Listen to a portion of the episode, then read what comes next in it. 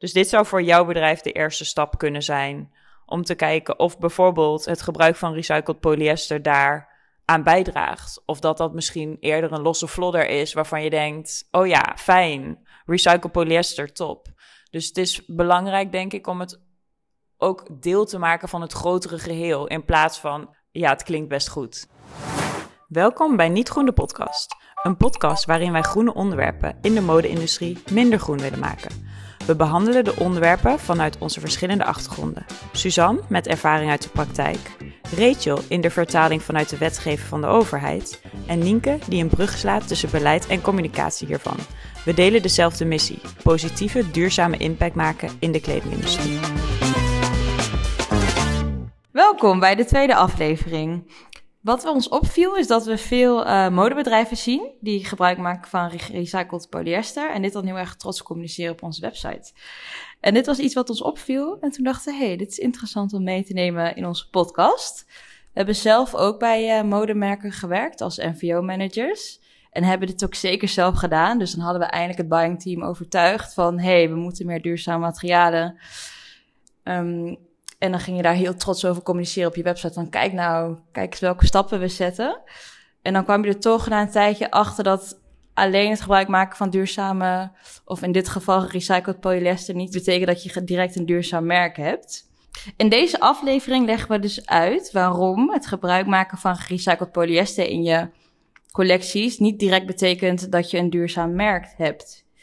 Uh, maar voordat we deze vraag gaan beantwoorden, gaan we even wat breder kijken wat duurzaamheid nou binnen de mode-industrie inhoudt. Uh, dus vandaar dat ik eerst de vraag stel aan Nienke. Wat verstaan we eigenlijk onder duurzaamheid binnen de mode-industrie? Ja, dat is nog best wel een, um, een ding. Want duurzaamheid op zichzelf, of sustainability in het Engels, is helemaal niet een beschermde term. Dus er, is niet, uh, er zijn geen hele duidelijke grenzen van wat betekent nou duurzaamheid? Waar, waar houdt het op, zeg maar? Waar, waar, is, waar is het iets anders? Dus het is eigenlijk best wel vaag. Maar ik kijk altijd wel terug naar de definitie van de Brundtland-commissie van de Verenigde Naties. En die hebben in 1987 hebben zij eigenlijk de eerste echte definitie voor duurzaamheid gemaakt samen. Uh, en dat is uh, in het Engels dan meeting the needs of the present without compromising the ability of future generations to meet their own needs. En dat vind ik gewoon altijd wel een hele pakkende en hele mooie beschrijving ervan. Want dat is ook eigenlijk, als je het in de allerbreedste zin bekijkt, uh, is dat waar duurzaamheid over zou moeten gaan. Dus dat je inderdaad kijkt van wat je als bedrijf maakt, of als modebedrijf maakt, de grondstoffen die je daarvoor gebruikt, uh, maar ook de energie die je gebruikt, wat weer leidt tot CO2-uitstoot. Eigenlijk alles wat je, wat je doet, of dat valt uh, of past binnen de grenzen van wat de, nou, de wereld ons kan bieden. Dus ik weet niet, sommige mensen die zijn wel bekend met uitspraak van dat als we zo blijven leven en produceren en consumeren zoals we nu doen, dat we dan 2,7 aardes nodig zouden hebben om daar allemaal in te voorzien. Um, dus dat vind ik een hele mooie. Dat is dus eigenlijk het tegenovergestelde van duurzaamheid. Hoe we, hoe we nu dat allemaal aan het doen zijn. Um, en duurzaamheid is dus dat je kijkt van oké, hoe kunnen we in balans uh, onze uh, ja, producten maken die we nodig hebben. En zodat de generaties na ons dat ook nog kunnen blijven doen. Ja.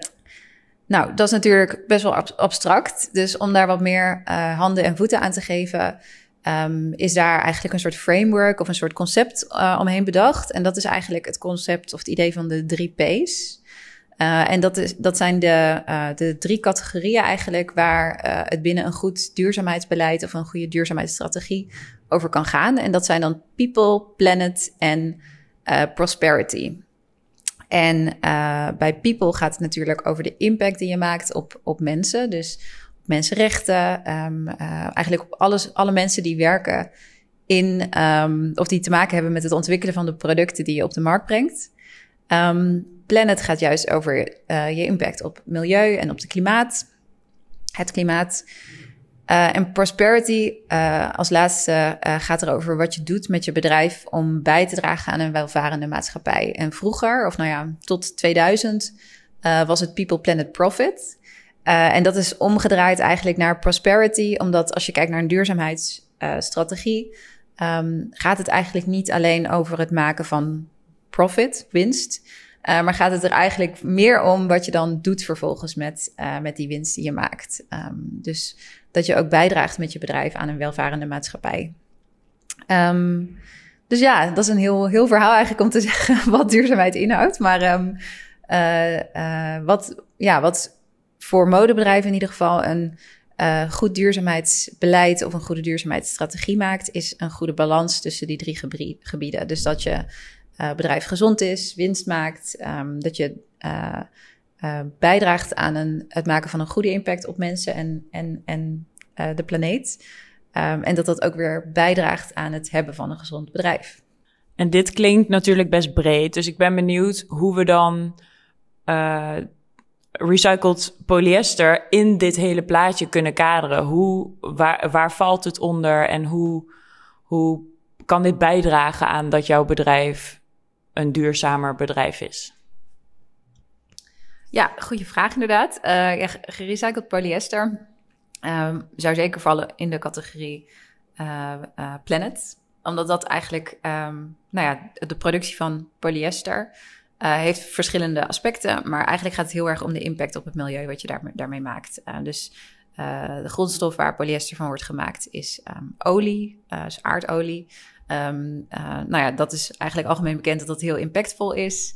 Um, daarnaast is het productieproces, komt daar ook heel veel bij kijken. Komt heel veel CO2-uitstoot bij vrij. Um, uh, worden veel chemicaliën in gebruikt. Um, plus als uh, polyester, polyesterstoffen klaar zijn, zeg maar, als, als je klaar bent met het product, dan is het, wordt het afval. En voor polyester is daar niet een gezonde manier om dat met een lage impact weer terug te laten gaan in de natuur, bijvoorbeeld, dat het afbreekt. Dat, dat doet polyester niet, het blijft gewoon heel lang bestaan. Um, en als je het verbrandt, dan komen er gewoon wel dampen vrij die ook nou ja, impact hebben op, de, op, op het milieu. Dus ja, gerecycled polyester valt sowieso onder het kopje planet. Oké, en in de intro hadden we het al eventjes over van, maar waarom is dan alleen, als je alleen gerecycled polyester gebruikt, uh, niet gelijk aan een duurzaam merk? En heel eerlijk gezegd, toen ik uh, da die vraag zag, moest ik gelijk denken aan, is gerecycled polyester überhaupt iets duurzaams? Uh, of gaan we vooral lekker met z'n allen op het woord gerecycled? maar ik kan me ook voorstellen dat gerecycled al beter is dan conventioneel polyester. Maar wat precies, of het nou echt daadwerkelijk een duurzaam product is, dat, dat, die vragen had ik überhaupt als eerst. Dus ik ben heel erg benieuwd hoe jullie dat zien. Ja, ik heb hier ook wel mee geworsteld, omdat het voor mij ook wel echt een, als in mijn leven als duurzaamheidsmanager, een achievement was van, oh yes, we gaan het omzetten. En um, ik ben eigenlijk recentelijk iets meer ingedoken. En er is ook iets meer commotie, denk ik, over ontstaan. Omdat het inderdaad, wat Nienke al zei, als het klaar is, dus je hebt het kledingstuk gedragen en je wil het niet meer. Je hebt natuurlijk leuk iets voor misschien een volgende aflevering. Wat kunnen we er daarna mee doen? Maar als je het niet meer wil, dan kan je het niet gewoon laten verdwijnen. Het zal altijd blijven bestaan. Um, daarnaast wordt veel gerecycled polyester eigenlijk gemaakt van petflessen. En wat heel mooi is aan dat systeem van petflessen is, je hebt een petfles, je hebt hem gebruikt, je levert hem weer in en er kan weer een nieuwe petfles van worden gemaakt. En wat wij nu in de mode-industrie doen, is die petfles uit die closed loop circle halen en er kleding van maken. En daarna kunnen we hem niet meer terug veranderen in een petfles. Om het zo maar even makkelijk te zeggen. Um, ja, dus wat dat betreft is er best wel wat kritiek, denk ik, op het hele gerecycled polyester gebeuren. Maar aan de andere kant, er wordt in ieder geval al geen nieuwe olie meer gebruikt voor het maken van deze polyester. En er is ook echt al heel veel plastic op de wereld. Dus ik denk dat het nog steeds een duurzamere keuze is dan normaal polyester. Maar ik denk zeker dat er op uh, stofgebied nog duurzamere keuzes zijn dan polyester. Ja. Dus ja, dat eigenlijk. Ja, dus dan denk ik om, het, om de vraag te beantwoorden, denk ik dat materialen gewoon een onderdeel zijn van je hele reis naar een soort duurzaam merk worden. Maar dat als je een duurzaam materiaal hebt, dat het dan niet direct betekent dat je een duurzaam merk bent. Want net zoals Nienke al daarnet vertelde over people, planet, prosperity, uh, is het gewoon veel breder dan dat. Dus naast materialen kun je ook kijken naar um, je supply chain. Uh, hoe kan je daar verantwoordelijke of andere keuzes in maken om daar um, een betere impact in te hebben? Dus als je al die onderwerpen hebt, die people, planet, prosperity, hoe weet je dan uh, aan welk onderwerp je als eerst moet beginnen? Ja, dat is wel een erg brede vraag. en ook wel iets waar wij ons, denk ik, alle drie dagelijks mee bezighouden. Uh, want je hebt bepaalde, um, je hebt een soort van bepaalde richtlijnen waar je aan moet voldoen of kan voldoen. En dat is, zijn richtlijnen van de overheid. Er zijn andere belangrijke stakeholders misschien die iets te zeggen hebben over jouw bedrijfsvoering. Um, ja, er zijn, er zijn heel veel facetten waar je rekening mee kan houden. En we gaan zeker deze onderwerpen behandelen in komende podcasts. Uh, waar ik persoonlijk altijd zou beginnen is um, eigenlijk op vooral inzoomen op people en planet. Um, dat je wil weten waar je die impact maakt en wat je daar, wat je daar zelf aan kan doen. Oké, dus als we even puur kijken naar het voorbeeld van we hebben een uh, leuk merk met truien. We verkopen truien voornamelijk gemaakt van wol. Laten we zeggen 90% van de collectie bestaat uit wol. Dan weet je dat je daar al een hele grote impact kan maken. En wol is eigenlijk een beetje hetzelfde kopje als polyester. Dat valt onder planet. Want je wil weten waar het wol wordt geproduceerd, uh, hoe de schapen zijn behandeld, uh, welke productieprocessen heb je nodig om van wol het garen te maken dat kan je allemaal vinden onder het kopje Planet. En daar kan je zeker een impact maken. Daarnaast heb je bij het kopje People, waar worden mijn truien geproduceerd? Welk land wordt het geproduceerd? Is dit bijvoorbeeld een hoog risicoland?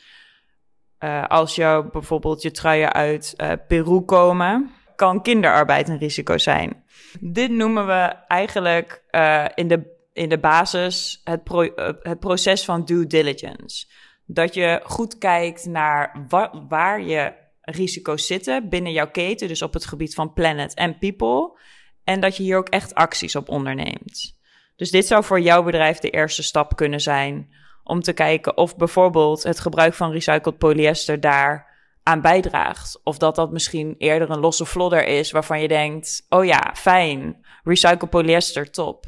Dus het is belangrijk, denk ik, om het ook deel te maken van het grotere geheel. In plaats van wat Rachel al zei.